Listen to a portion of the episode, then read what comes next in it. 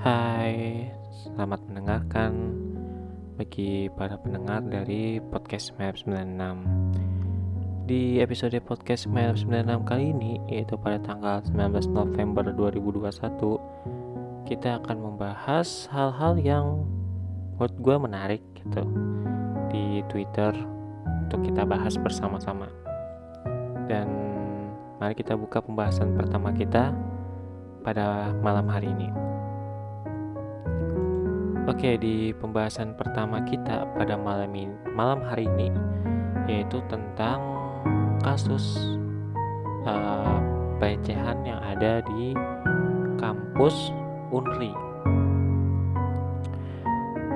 Nah, di dalam kasus tersebut atau dalam berita tersebut bahwa uh, si dosen ini dia melakukan tindakan uh, asusila yaitu ingin mencium mahasiswinya ini gitu. Ketika kasus ini diangkat si dosennya ini dia berdalih atau beralasan bahwa dia menganggap si mahasiswa eh mahasiswinya ini adalah seperti anak dia sendiri gitu. Kalau hal seperti itu sih tidak dipermasalahkan ya yang jadi permasalahannya ini kenapa uh, lo sampai mau mencium keningnya gitu? Why gitu?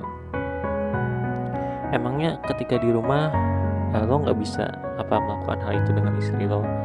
Atau tidak akan seperti itu dengan istri lo atau anak lo di rumah gitu? Kenapa sama mahasiswinya lo gitu dan juga ketika kasus ini naik gitu. Uh, si si siapa ini namanya? Oh nggak usah aja kita sebut namanya. Si istrinya ini dia membuat sebuah postingan ya. Mana ini uh, postingan dari Facebook. Ya di situ dia mengatakan di postingannya itu bahwa uh, ini semua adalah cobaan gitu ini ya semua adalah fitnah gitu. katanya dia ya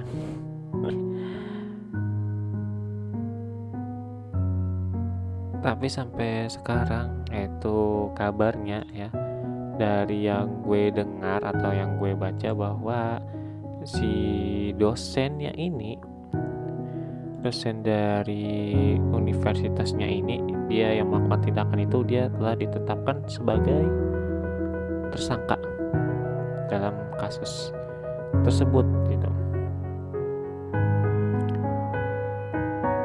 Ya iyalah lo dalil kayak eh, dalil kayak non agama aja. Lo um, apa beralasan menganggapnya kayak gitu secara logika ya itu nggak nggak masuk akal gitu. Menganggap sih nggak apa-apa ya tindakannya Allahnya itu gitu. Jangan-jangan cuma bukan cuma satu ini aja gitu. Bisa jadi semua mahasiswa yang yang mungkin konsul sama lo mahasiswinya lo anuin kayak gitu juga. Ya dong. Cuma yang terekspos atau yang terangkat nih hanya satu ini aja. Itu opini gue ya atau pemikiran gue aja gitu. Kalian kalau misalkan berpendapat lain ya silahkan cuma itu hanya opini gue kalau dipikir-pikir ya secara logika ya mungkin ya. Korbannya itu sebenarnya lebih dari satu gitu mungkin tapi ini hanya praduga aja gitu. Ya semoga cuma satu ini aja lah. Ya. Semoga cuma satu. Oke dan mungkin kalian pernah atau ada memiliki teman yang mana ketika dia mau ngechat kalian pertama kali itu dia selalu mengawali dengan huruf P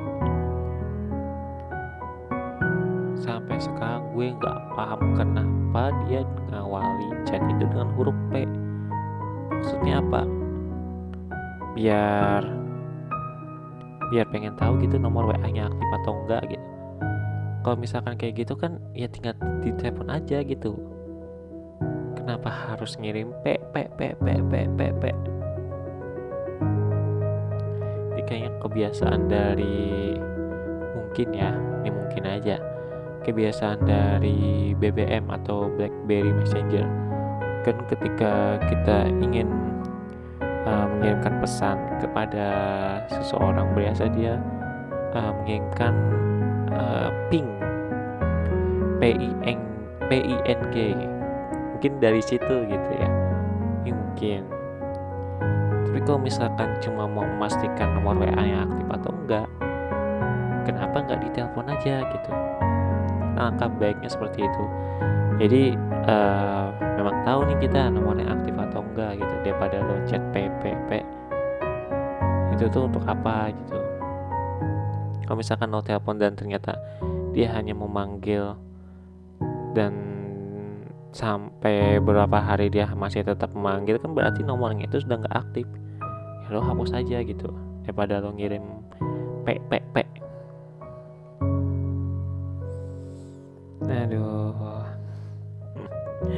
Oke, kemudian uh, ada sebuah hal yang buat gue lucu gitu.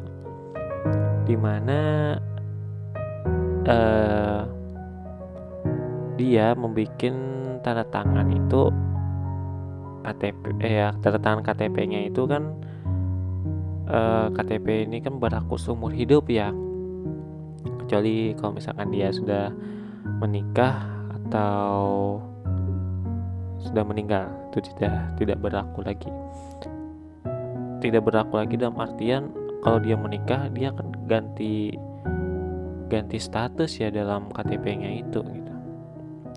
Nah, ada yang lucu gitu. Beberapa yang tertangkap kamera dan diekspos gitu. Yang mana dia memberikan um, bentuk tanda tangan yang yang tulisan tegak bersambung dan uh, menamakan atau dari nama idolanya gitu idol atau idol K-pop gitu.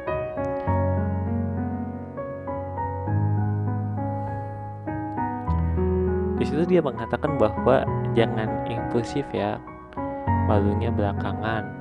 Ini aku kemarin habis tanda tangan ijazah kayak gini habis diketawai sama temanku WK WK WK ya, ya lalu nulisnya situ tuh namanya Q Hyun. Tanda tangan lo tegak bersambung tulisannya Q Hyun. Dan itu sampai di KTP lo juga nulisnya kayak gitu gitu. Ya konyol. Apa faedahnya kayak gitu tuh? Apa? Ya bagi kalian yang mungkin baru belajar atau mau bikin tanda tangan usahakan nama kalian sendiri aja deh. Jangan jangan menggunakan nama-nama yang ale-ale kayak gitulah. Atau nama-nama idola kalian tuh jangan. Nama kalian sendiri aja. Karena uh, orang tua kalian memberikan nama itu ya pasti ada makna tersendirinya gitu. Ada maksud tertentu ya mungkin orang tua kalian asal aja memberikan nama itu. Pasti ada maknanya di dalam nama kalian itu. Oke? Okay? jangan malu jangan minder dengan nama kalian. Karena itu adalah hal yang diberikan oleh kedua orang tua kalian gitu. Dan uh, kasus selanjutnya yaitu ada tentang perkara seorang istri yang mana uh, dia ini memarahi suaminya yang pulang ke rumah dalam keadaan yang mabuk. Dan anehnya gitu dia ini di, di, dijatuhkan hukuman penjara satu tahun. Why gitu? Dia ini istrinya loh dan Suaminya ini hanya membuang-buang waktu mabuk-mabukan dan sama sekali tidak memberikan nafkah kepada istrinya mungkin ya. Sampai-sampai istrinya marah ketika dia mabuk. Eh ketika dia pulang-pulang mabuk ya mungkin karena dia nggak memberikan nafkah kemudian kerjaannya hanya seperti itu ya ya wajar aja gitu kalau istrinya marah gitu misalkan nggak seperti itu juga ya wajar aja gitu kalau istrinya marah gitu. Ini kok dibilang bahwa itu merupakan tidak kekerasan psikis atau mental. Well dia tuh mabok. Ya orang mabok tuh biasanya ngelantur gitu. Dia nggak nggak uh, begitu masuk atau mudeng atau gimana ya? Uh, ngomongnya itu dia ya pokoknya itulah. Kalau mabuk tuh biasa kita ngomong apa dia jawabnya apa gitu. dan bagaimana bisa itu uh, disebutkan sebagai tidak kekerasan psikis atau mental gitu. Yang mana hal itu membuat si istrinya ini mendapatkan hukuman penjara selama satu tahun gitu. Dan banyak respon-respon positif dari hal itu ya. Respon positif untuk mendukung istrinya ya bukan mendukung suaminya. Dan sampai terakhir beritanya yang gue baca bahwa si penuntut umum dan jaksanya ini dia dijatuhi hukuman atau dipecat dari jabatannya gitu. Ya iyalah gitu secara dia nih istri kemudian uh, suaminya mabuk-mabuk pulang ya masa dia cuma duduk duduk manis senyum um, mabuk ya. Ya nggak gitu juga kampret asli dah. Bingung gue sama penegakan kasus-kasus yang yang ada di negara ini tuh. Ada beberapa yang memang konyol. Beberapa loh ya beberapa bukan semua. Dan juga hal yang terakhir adalah dari uh, permintaan Bupati Banyumas. Uh, di mana dia mengatakan bahwa dia takut di OTT dan tidak mau di OTT sebelum uh, bisa kalau kalian tahu OTT itu adalah operasi tangkap tangan yang mana biasanya dilakukan oleh pihak KPK tentang dari KPK gitu ya. Uh, si bupatinya ini mengatakan bahwa uh, sebelum di OTT angka lebih baiknya kalau dipanggil terlebih dahulu si orangnya ini gitu jangan langsung di OTT gitu. Ya itu kan sama halnya ketika lo nemuin pencuri atau maling ya terus lo biarin dia lari dulu baru lo kejar. Ya kan? Ya nggak dapet gitu ya percuma. OTT itu kan untuk orang-orang yang ya memang ada niat lah. So kalau misalkan lo nggak ada niat juga ketika di OTT juga santai-santai aja gitu. Karena memang lo nggak ada niat untuk korupsi dan nggak pernah melakukannya gitu. Kalau menurut gue sih kayak gitu ya. Aneh aja gitu. Mereka takut di OTT tapi uh, melakukan tindakan itu gitu. Kok memang takut jangan dilakukan gitu jangan diperbuat kegiatan korupsinya. Berarti harus lebih rapi lagi kalian korupsinya. Nggak nggak nggak nggak boleh ya nggak boleh. Korupsi itu nggak boleh. Yang mana hal itu uh, merugikan negara.